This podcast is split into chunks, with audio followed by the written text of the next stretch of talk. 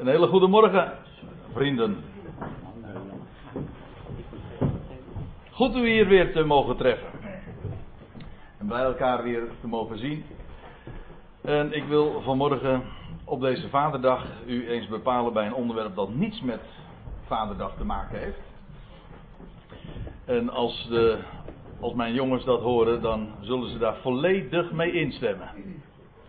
Want een renbaan en hun vader, dat uh, zijn twee termen die, elkaar, die niet echt matchen. Dat zou dan meer met moederdag gepast zijn. Want ja, die weet weer alles over een renbaan te vertellen. Die al 25 jaar dagelijks, vrijwel dagelijks 10 kilometer hardloopt. En, maar goed, inmiddels ben ik dus via via ook wel een beetje een expert geworden. Dus hm. ik zeg altijd, mijn vrouw en ik, samen zijn we heel erg sportief.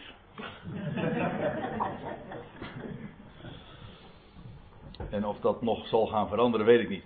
Ik wil u vanmorgen dus eens meenemen naar deze metafoor. Want als ik het, als ik het letterlijk zou moeten behandelen, had ik echt toch een ander voor een ander thema gekozen. Zoals inmiddels een beetje duidelijk is geworden, wellicht. Maar als metafoor als beeld komt het nog wel eens een keer voor in het Nieuwe Testament. Want daartoe beperk ik me vanmorgen maar even. Hoewel, ik moet erbij zeggen, soms uh, komt dat in de vertaling niet altijd uit de verf.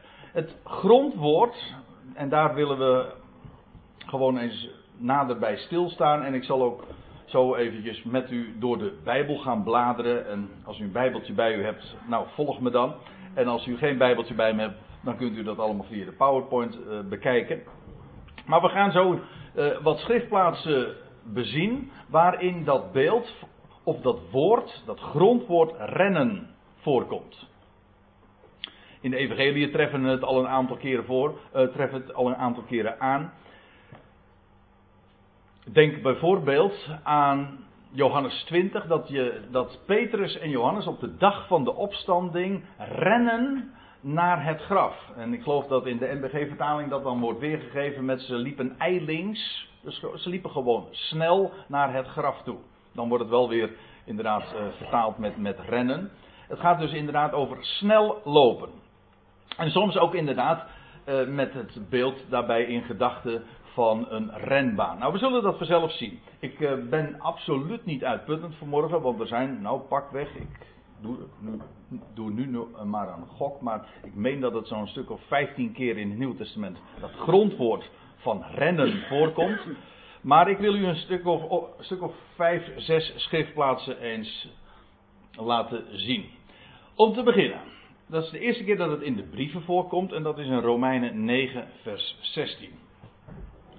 En daar lees je dit, dat de apostel Paulus dit zegt. Het hangt dus niet daarvan af of iemand wil, dan wel of iemand loopt, maar van God die zich ontfermt. Eigenlijk staat hier ook dat woord voor rennen. Dus het hangt niet van af van of iemand wil, dan wel of iemand rent, maar van God die zich ontfermt. Dat rijmt ook nog beter als ik het zo zeg. Dus ook literair zou hier ook gewoon rennen moeten staan. En in ieder geval, dat is het woord wat hier ge, gebruikt wordt. En dat hele context is een uh, opmerkelijke. Want Paulus hier in dit hoofdstuk uh, naar voren brengt, en het is een slecht begrepen schriftgedeelte als u het mij vraagt. Paulus brengt daarin naar voren dat God het is die kiest. God is het die beschikt. Hij is, zo lezen we ook in dit hoofdstuk, de grote pottenbakker. En hij is het die ons als klei, want wij zijn klei in zijn handen, hij vormt ons. En daarbij is een, de menselijke keuze, of een mens wil, of een mens zich uitslooft, of hard rent, dat is totaal niet van belang. Daar gaat het niet om, het gaat om God die zich ontfermt over dat klei, om even bij dat beeld te blijven. Eerder had Paulus want kijk, hij zegt, het hangt dus niet daarvan af, en dat is dus een conclusie. Eerder had hij gesproken eh, over het beeld, uh, nou niet het beeld, over de personen Jacob en Esau. Hij had ook al gesproken over Isaac Altijd weer is het God die kiest. Die beschikt. Van tevoren. En dan lees je, eh, u moet het allemaal nog maar eens een keertje teruglezen, want ja, de hele context kan ik er niet bij betrekken om voor te lezen. Maar dan zult u zien dat, daarbij benadrukt wordt van, ja, God uh, had zijn oog al laten vallen voordat de twee geboren waren op Jacob, niet op Esau. Voordat ze geboren waren, voordat ze konden kiezen, voordat ze konden lopen, laat staan, rennen, had God al gezegd: de oudste zal de jongste dienstbaar zijn.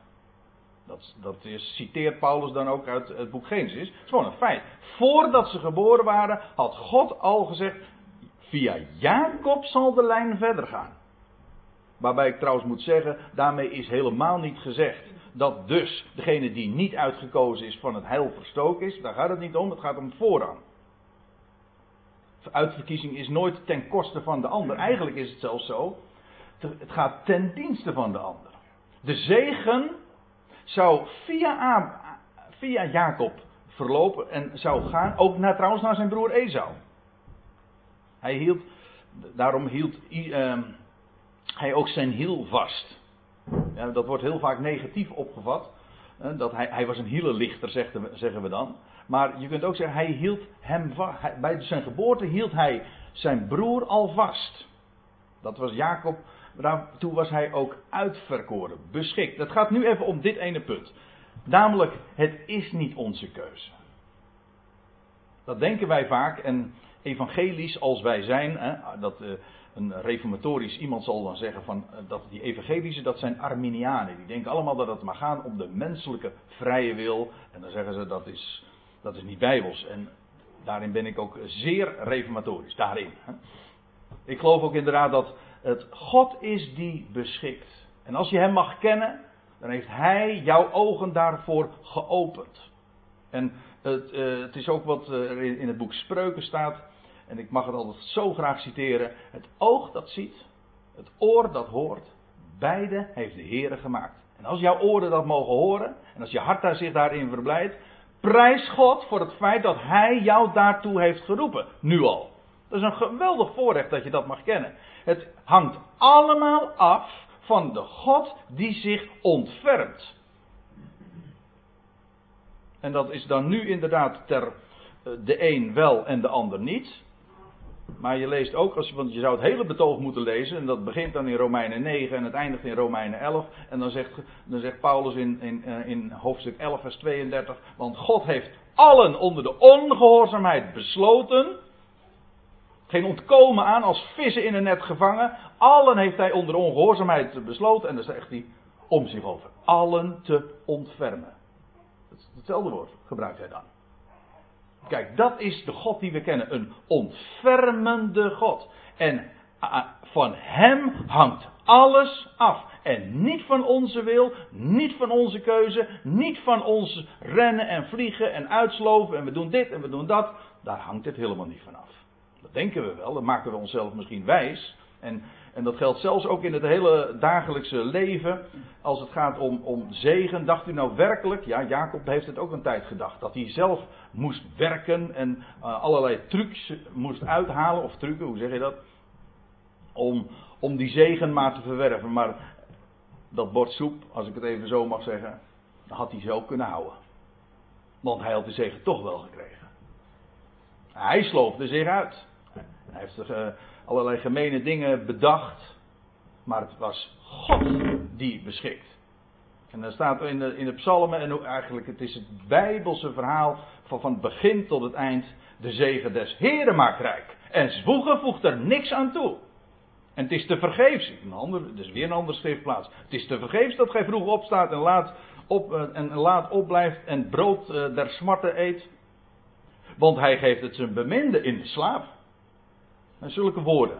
Kijk, aan, aan dat soort schriftplaatsen refereert Paulus ook. Het is gewoon ABC van de Bijbelse boodschap. Niet de mens, niet ons willen, niet ons rennen, maar de ontfermende God. Daar hangt alles aan, van af. Aan des Heren zegen, stond op een bordje bij ons thuis vroeger. Aan des Heren zegen is het alles gelegen. Niet veel, alles.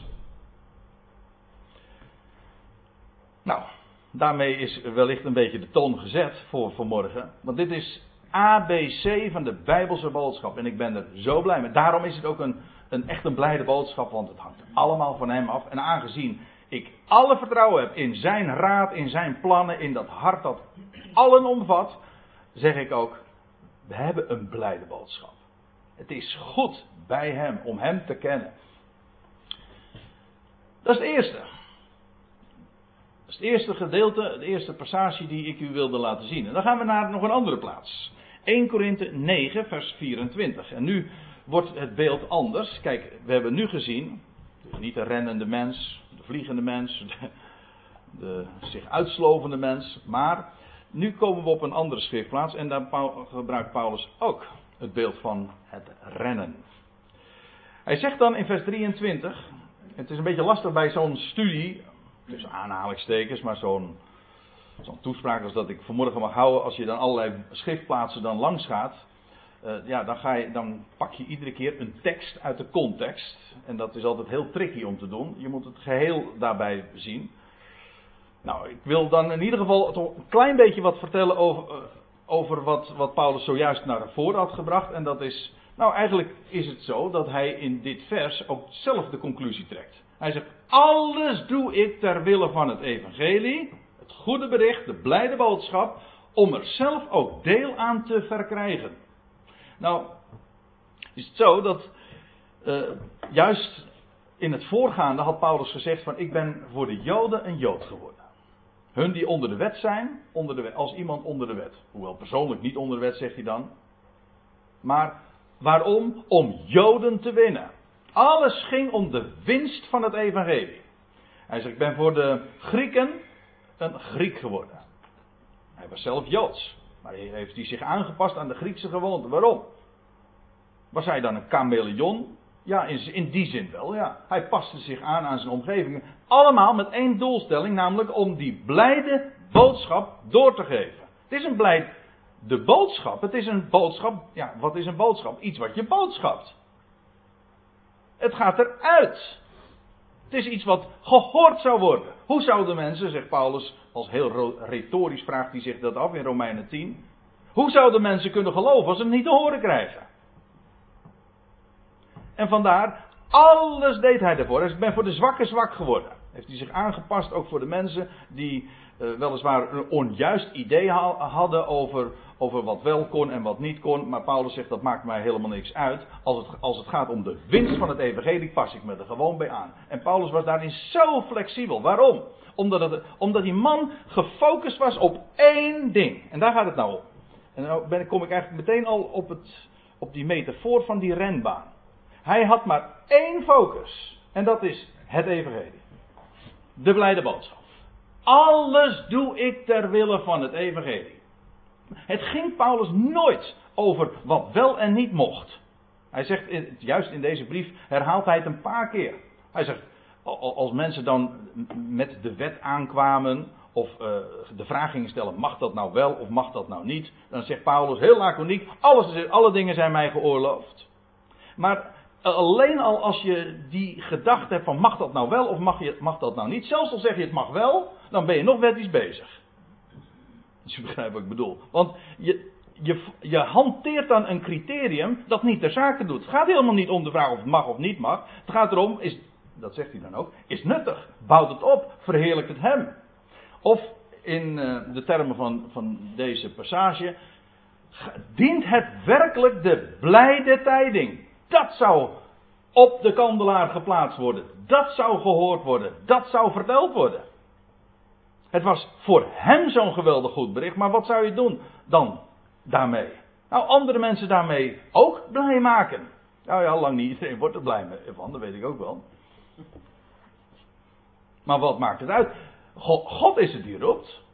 Vertel het maar gewoon. En degene, en degene die er oren voor hebben, en degene die God beschikt, nou, die, die, die roept hij en die, die trekt hij. Don't worry. Maar vertel het. En dat is wat Paulus zegt. Alles doe ik ter wille van het evangelie om er zelf ook deel aan te verkrijgen. Letterlijk staat er om er, om er zelf ook mede deelgenoot van te worden. Dat is een misschien wat vreemde uitdrukking of uh, zegswijze, maar het idee is deze. Ik heb dit plaatje er even bij gedaan om daarmee aan te geven wat, ik, uh, wat Paulus hier ook mee bedoelt, als u het mij vraagt.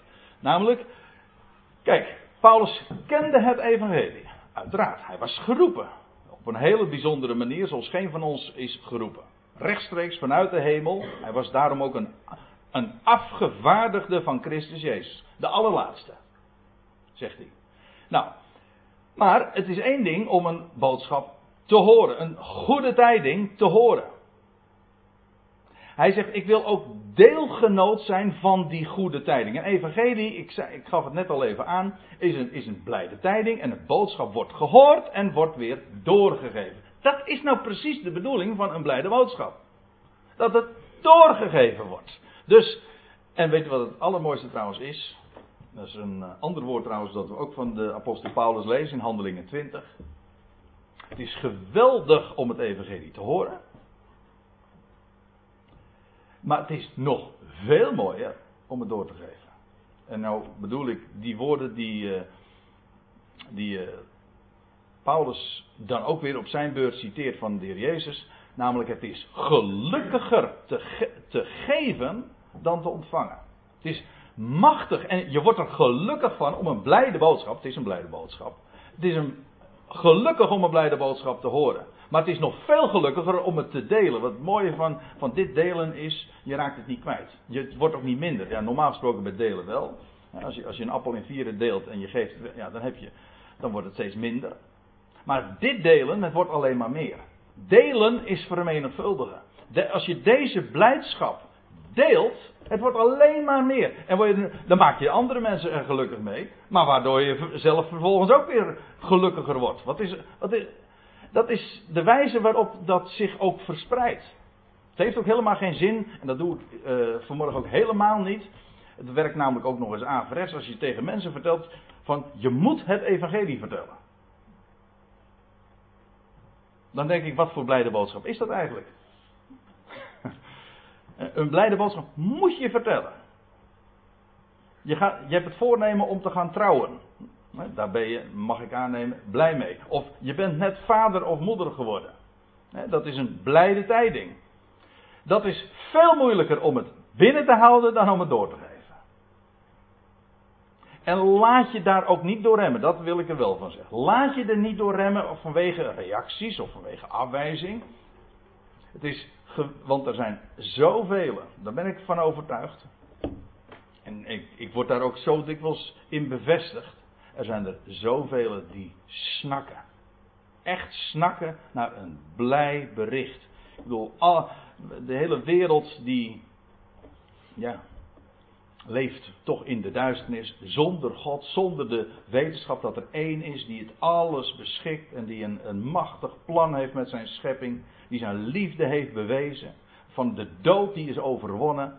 Nou, van een God die zich ontfermt over deze wereld, over zijn schepping, die houdt van het werk wat hij zelf gemaakt heeft. Dat is een, dat is een blijde tijding. En als je dat in je leven leert kennen, dat, dat verandert je. Dat verandert je in je denken, voortdurend trouwens. Nou, ik zou er zomaar uh, hierbij uh, blijven stilstaan, maar ik wil even doorgaan, want uh, dan lees je dat Paulus nog zegt: ik, alles doe ik dus ter wille van het evangelie om er zelf ook mede deelgenoot van te worden. En dan vraagt hij, weet gij niet? Of, ja, dat is een vraag die hij heel, vaak stelt in de, in de. Weten jullie dat niet? Met andere woorden, jullie weten het toch? Dat zij die in de renbaan lopen, hier heb je het, allen wel lopen, of rennen, maar dat slechts één de prijs kan ontvangen. Dat is de erekrans, daar gaat hij het in het volgende vers over hebben. Ik zal u eerlijkheidshalve zeggen. Ik heb uh, deze samenkomst aangekondigd, ook op mijn website. En het onderwerp had ik aangekondigd. En dat zou gaan over de erekrans. Ja. ja. Maar ik heb het gisteravond nog veranderd. Ik, het onderwerp heeft er wel een beetje mee te maken. Maar ik wilde het, uh, nou ja, zoals gezegd. De, het accent iets verschuiven. En niet over de erekrans, maar over de over de renbaan dus hebben. Maar het zijn onderwerpen die wel heel erg sterk met elkaar te maken hebben. Dat zie je hier ook. Als je in de renbaan loopt, je doet een wedstrijd. Als je aan een wedstrijd deelneemt, dan gaat het natuurlijk om de prijs. Je gaat voor goud. Je gaat voor de erekrans. En Paulus zegt dan, loop dan zo dat gij die behaalt. Hij gaat daar nog mee, mee verder. Ik wil dat uh, nu allemaal niet zo uh, uiteenzetten. Het gaat me om, om dit ene beeld. En dat is dat Paulus zegt, hij gebruikt dit beeld van die renbaan omdat, het, omdat hij één focus heeft. Namelijk het evangelie. De blijde tijding in Christus Jezus. Hij zegt, daar gaat het mij allemaal om. En al het andere is niet, doet niet ter zake. En dat is inderdaad een wedstrijd. Want je, dat is afzien. Mooi woord trouwens. Oh, die wil het ook horen, zeker.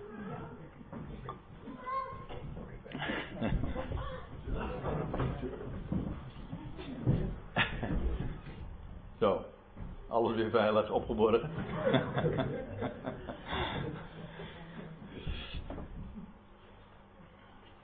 ja, die, het beeld van die renbaan hier, en nogmaals, over die erekransen gaan we het nu verder niet hebben. Maar die, het beeld van die renbaan is, de focus is op één ding gericht en af, het is afzien. Zo gebruiken we dat woord ook. Afzien betekent letterlijk, dus je kijkt weg van al het andere. Niet omdat dat niet goed zou zijn of dat het niet mag. Het gaat erom, het verhindert je alleen maar om die renbaan te lopen en te winnen. Dat is ook een van de woorden die een grote rol spelen in 1 Korinthe 9. Het gaat om, de, om winnen. Ja, in dit geval ook het winnen van mensen. Maar ook de winst voor het evangelie. Zodat dat gehoord zou worden en doorgegeven zou worden. Nou, Paulus liep in die renbaan. Alles gaat maar om één ding. En dat is dat evangelie. Ja, wij, wij hebben vaak zo enorm veel natuurlijk om handen en aan ons hoofd. Dat geldt trouwens ook als je als gelovigen bij elkaar komen. Het is toch heel veel. Eh, nou, ik mag dat, ik mag dat echt, echt wel zeggen. Hier ook. Uh, het is vaak toch gewoon kerkje spelen. He, dan komen we bij elkaar en het is allemaal zo introvert. Dat bedoel ik, dat bedoel ik ook met kerkje spelen. Dan, dan, dan, gaat het allemaal om, om de organisatie en om allerlei dingetjes te, te plannen. Maar het is allemaal in, ja, naar binnen gekeerd. We houden elkaar bezig. Maar we hebben een blijde boodschap. En wat is de bedoeling van een blijde boodschap? Dat het verteld zou worden. En je komt bij elkaar juist om elkaar aan te moedigen van. En ja, daarin te bevestigen dat het gaat om dat ene. En niet, het gaat niet om, om een kerkje. Dat, is, dat doet totaal niet de zaak. We komen bij elkaar, dat is geweldig. We moedigen elkaar aan, we wijzen elkaar op die renbaan, op dat ene, dat evangelie, dat is het enige wat telt. En al het andere telt niet, maar ik had ook kunnen zeggen, en al het andere wat nodig mocht zijn, daarvan zegt de Bijbel, dat krijgt u bovendien. God voorziet toch?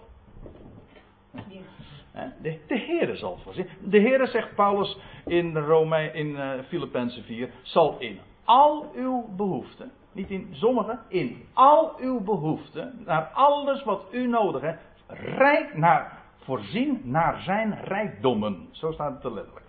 Meervoud. Al uw behoeften, alles wat je nodig hebt. Paulus trouwens in dat, uh, die brief gebruikt hij ook het beeld van die renbaan. Eén ding doe ik. Kijk weg en ik ben gefocust op dat ene doelwit. Dat te bereiken. En dat is inderdaad afzien. En dat, is, dat maakt het leven trouwens ook tot een strijd. Want het is het machtigste wat we kennen. Maar er zijn zoveel dingen die ons afleiden. En dan je ervan bewust te zijn. Het gaat maar om één ding, één ding, één ding. En dan is er dit en dan is er dat. En van alles wat zo belangrijk is in het leven, weten we wel. Het is allemaal flauwkul. Ik geef toe dat ik kort door de bocht ben. Maar het is wel, wezenlijk is dit het hele punt. Het hele idee is, Eén ding. Alles doe ik. En op het moment dat je weer denkt dat allerlei andere dingen van belang zijn, nou dan ben je dus bezig gewoon uh, van de renbaan te gaan. Dan ben baan kwijt. Hm? Dat is eigenlijk. Nou, we gaan naar de volgende. 2 Thessalonica 3 vers 1. Want ik moet een beetje opschieten natuurlijk. daar schrijft Paulus, voortbroeders, bid voor ons. En waarom? En daar gaat het me nu ook om. Dat het woord des Heren, het woord van de Heer, van de Curios, snelle voortgang hebben. En hier staat letterlijk ook weer mogen rennen. En verheerlijk worden evenals bij u. Hier vind je feitelijk dezelfde gedachte als die je ook aantreft in 1 Korinthe 9. Namelijk het rennen van het woord. Paulus kwam ergens, hij bracht uh, het woord, er uh, ontstond een geloofsgemeenschap en vervolgens ging hij weer verder. Waarom? Het evangelie moet eruit. Het is evangelie, daarom. En, en hij zegt, uh, hij, daar moedigt hij ook zeg maar, zijn medestanders om, toe aan, namelijk dat woord, dat dat woord zou rennen. Dat het is een bericht dat het zo velen mag bereiken. Dat het woord des Heren mag rennen. Kijk, dat is die renbaan waar hij het ook in, dat, in 1 Korinthe 9 over had. Snelle voortgang. Ik moet denken aan dat lied uit de Johan de Heer bundel. Zorg toch dat ieder het weet. Ik weet het, sommige mensen hebben dat uh, heel wettisch gemaakt en begrijp je er helemaal niks meer van. Maar het is wel waar dat als je een blijde boodschap hebt, dan heb je maar één verlangen en dat is dat een ander dat ook zou horen. Om die rijkdom te delen. Nou, dat is waar Paulus hier ook inderdaad toe oproept. En hij zegt: Bid voor ons dat het woord des Heren mogen rennen. En daardoor ook verheerlijk worden. In de glorie in het licht gesteld zou worden van dat woord. Uh, nog een schriftplaats, Gelaten 5 vers 7. Daar zegt hij dit. Gij liept goed. ik moet altijd een beetje lachen als ik het zo zeg. Want dat is nou niet echt modern Nederlands. Gij, gij sowieso niet en liept ook niet.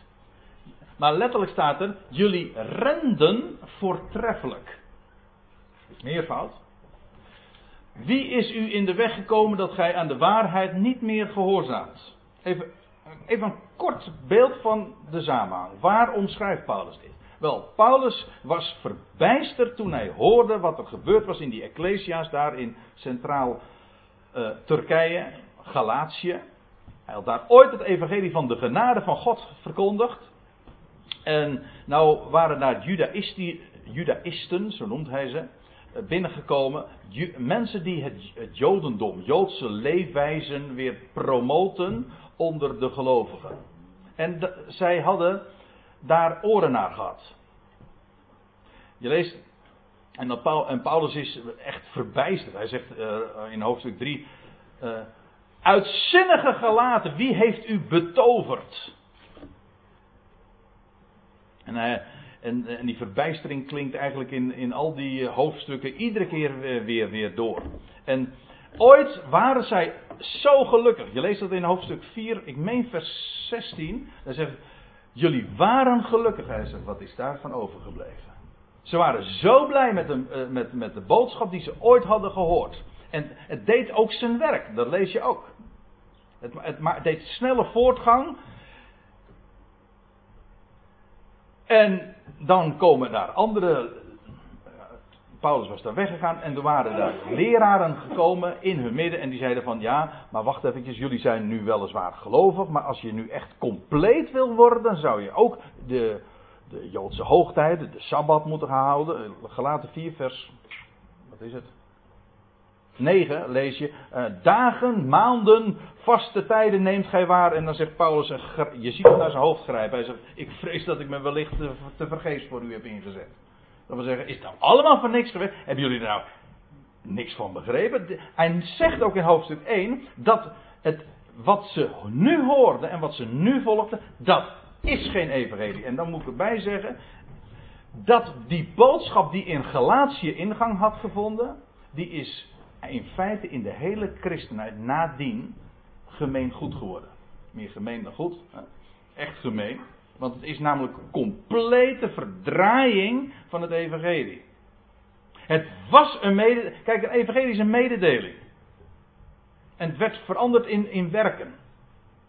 Het was een boodschap van wie God is en wat hij gedaan heeft en wat hij gaat doen.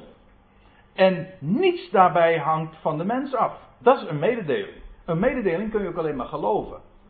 Als je een wet verteld wordt, ja, dan moet je gaan werken. Als ik zeg van je, uh, je moet dit doen, ja, wat, dan zet je mensen aan het werk. Vandaar ook dat Paulus in de Galatenbrief iedere keer weer uh, evangelie plaatst tegenover wet. En geloof tegenover werken. Een boodschap, een mededeling, een bericht, dan geloof je.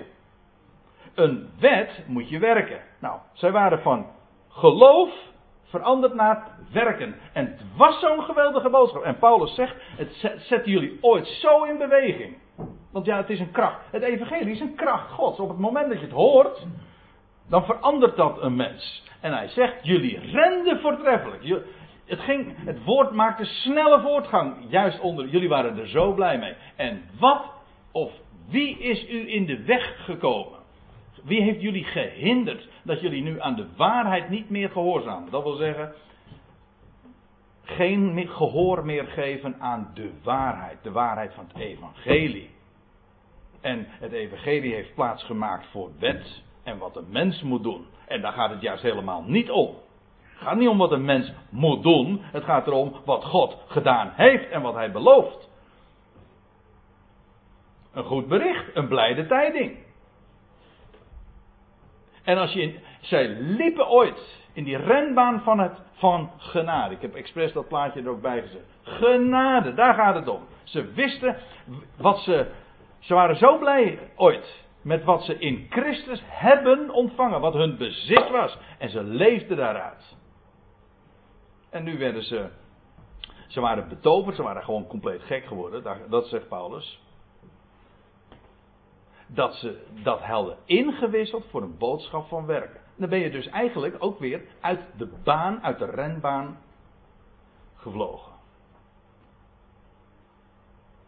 Jullie renden voortreffelijk. Ja, waarom? Omdat jullie, omdat jullie leefden uit de genade, daar gaven jullie gehoor aan. Nog een schriftplaats. Hebreeën 12 vers 1. Daar gebruikt Paulus nou ja, als hij de schrijver is van de Hebreeënbrief, dat is omstreden, maar goed. Uh, laten we het er even voor het gemak omhouden, ophouden. Dan zegt hij, daarom dan laten ook wij, nu wij zulk een grote wolk van getuigen rondom ons hebben, even tussen twee haakjes. Uh, Hebreeën 12 vers 1 volgt dus op uh, hoofdstuk 11. Dat is een begrip, hè. Hebreeën 11 is een begrip. Dat is de, dat noemt men wel de galerij van de geloofshelden.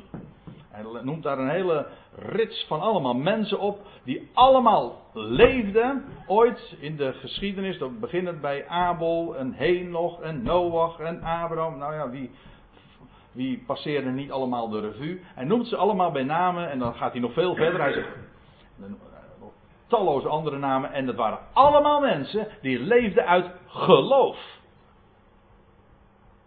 Niet uit werken, uit geloof.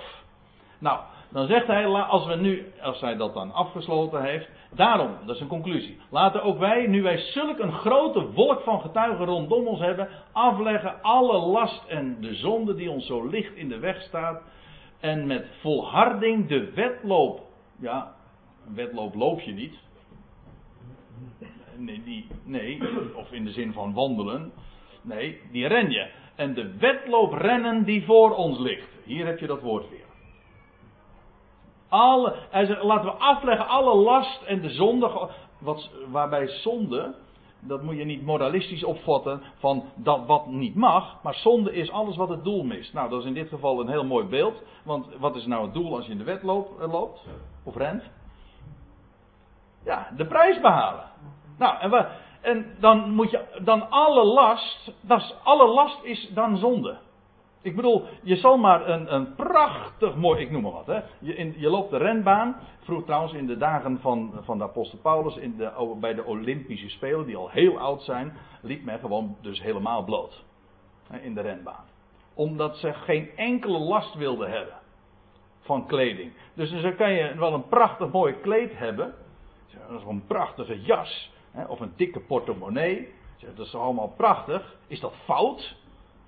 Ja, een sporter, die, wij, als hij zoiets tegen een sporter zegt, die wijst uiteraard eh, naar zijn hoofd. En zegt van, daar, daar gaat het toch helemaal niet om? Het gaat er niet om dat die dingen fout zijn. Nee, met alles wat last is, Alles wat je, wat je hindert in die wedloop, of het nou goed is of fout, als het je hindert in de wedloop, is zonde. Ik bedoel, dat mist het doel. En eh, leg het af.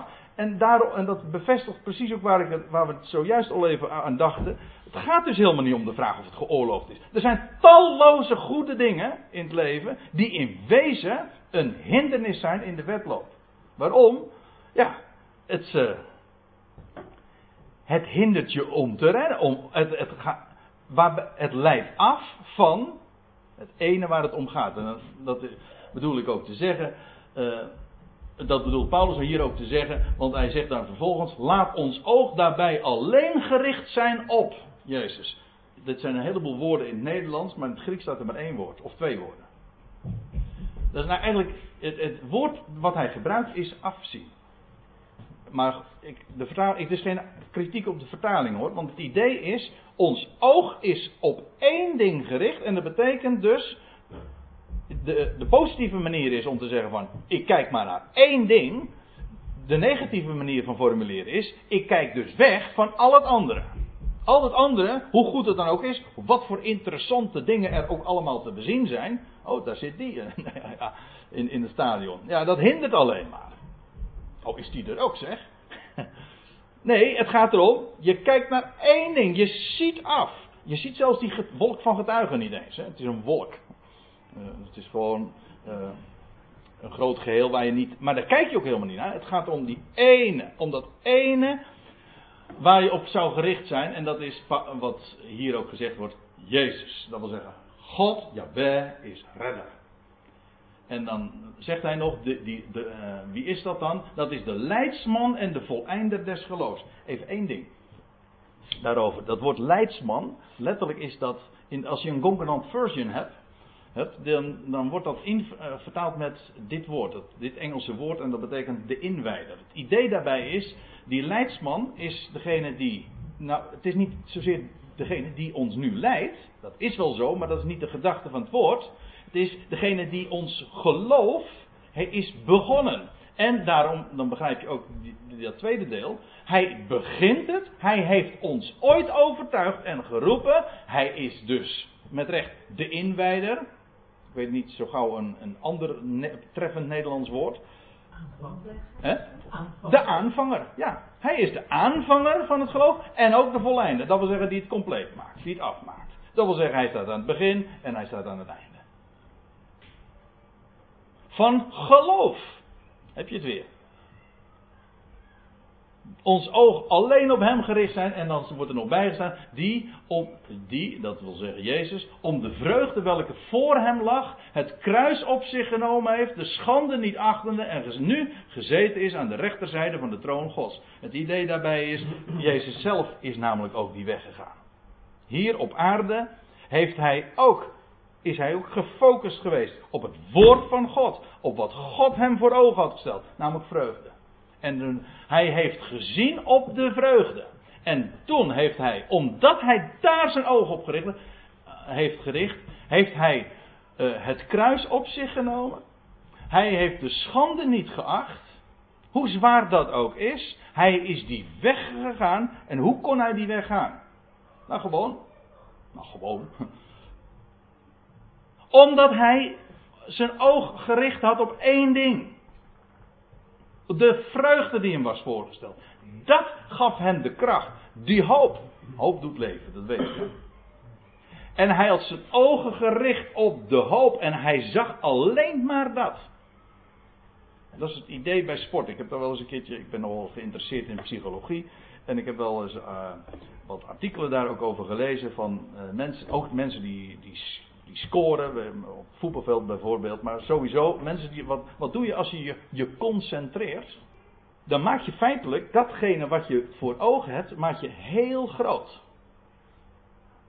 En al het andere zie je niet eens meer.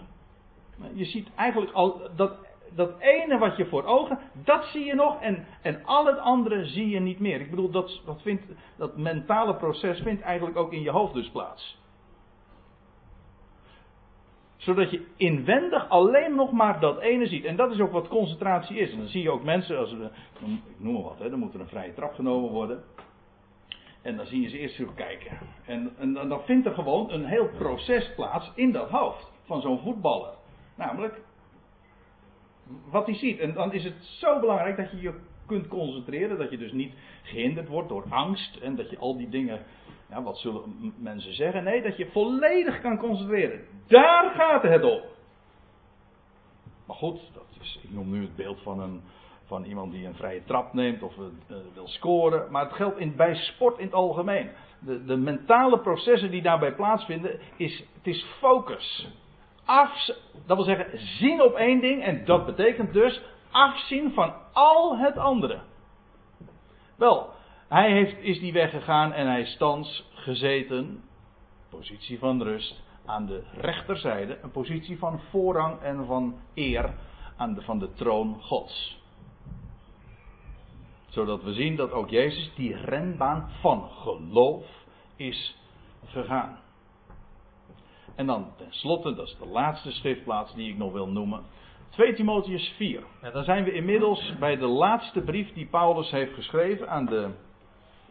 Nou, niet aan de, ik, maar ik moet zeggen aan, aan één iemand nog. Timotheus. Een van zijn weinige medestanders nog. Alle in Azië lezen in diezelfde brief hadden hem verlaten. Hij stond op het punt. Het moment van mijn verscheiden staat voor de deur. Hij zou geëxecuteerd worden. En hij schrijft nu nog. Dit is een soort geestelijk testament. Zijn weg was voorbij. Al die jaren dat hij gearbeid had, dat hij de wereld heeft afgereisd, heeft zo enorm veel mogen doen en betekenen. En dan kijkt hij terug en dan zegt hij in vers 7 van 2 Timotheus 4, hij zegt, ik heb de goede strijd gestreden. Is een wedstrijd. Het beeld ook hier weer van een wedstrijd. Hij zegt, ik heb de goede strijd gestreden. Ik heb die renbaan. Nou ja, laten we hem gewoon maar verder lezen. Ik heb mijn loop, of ook hier weer, mijn loopbaan. Dat is trouwens hier een iets ander Grieks woord, maar hetzelfde idee ook, namelijk van rennen.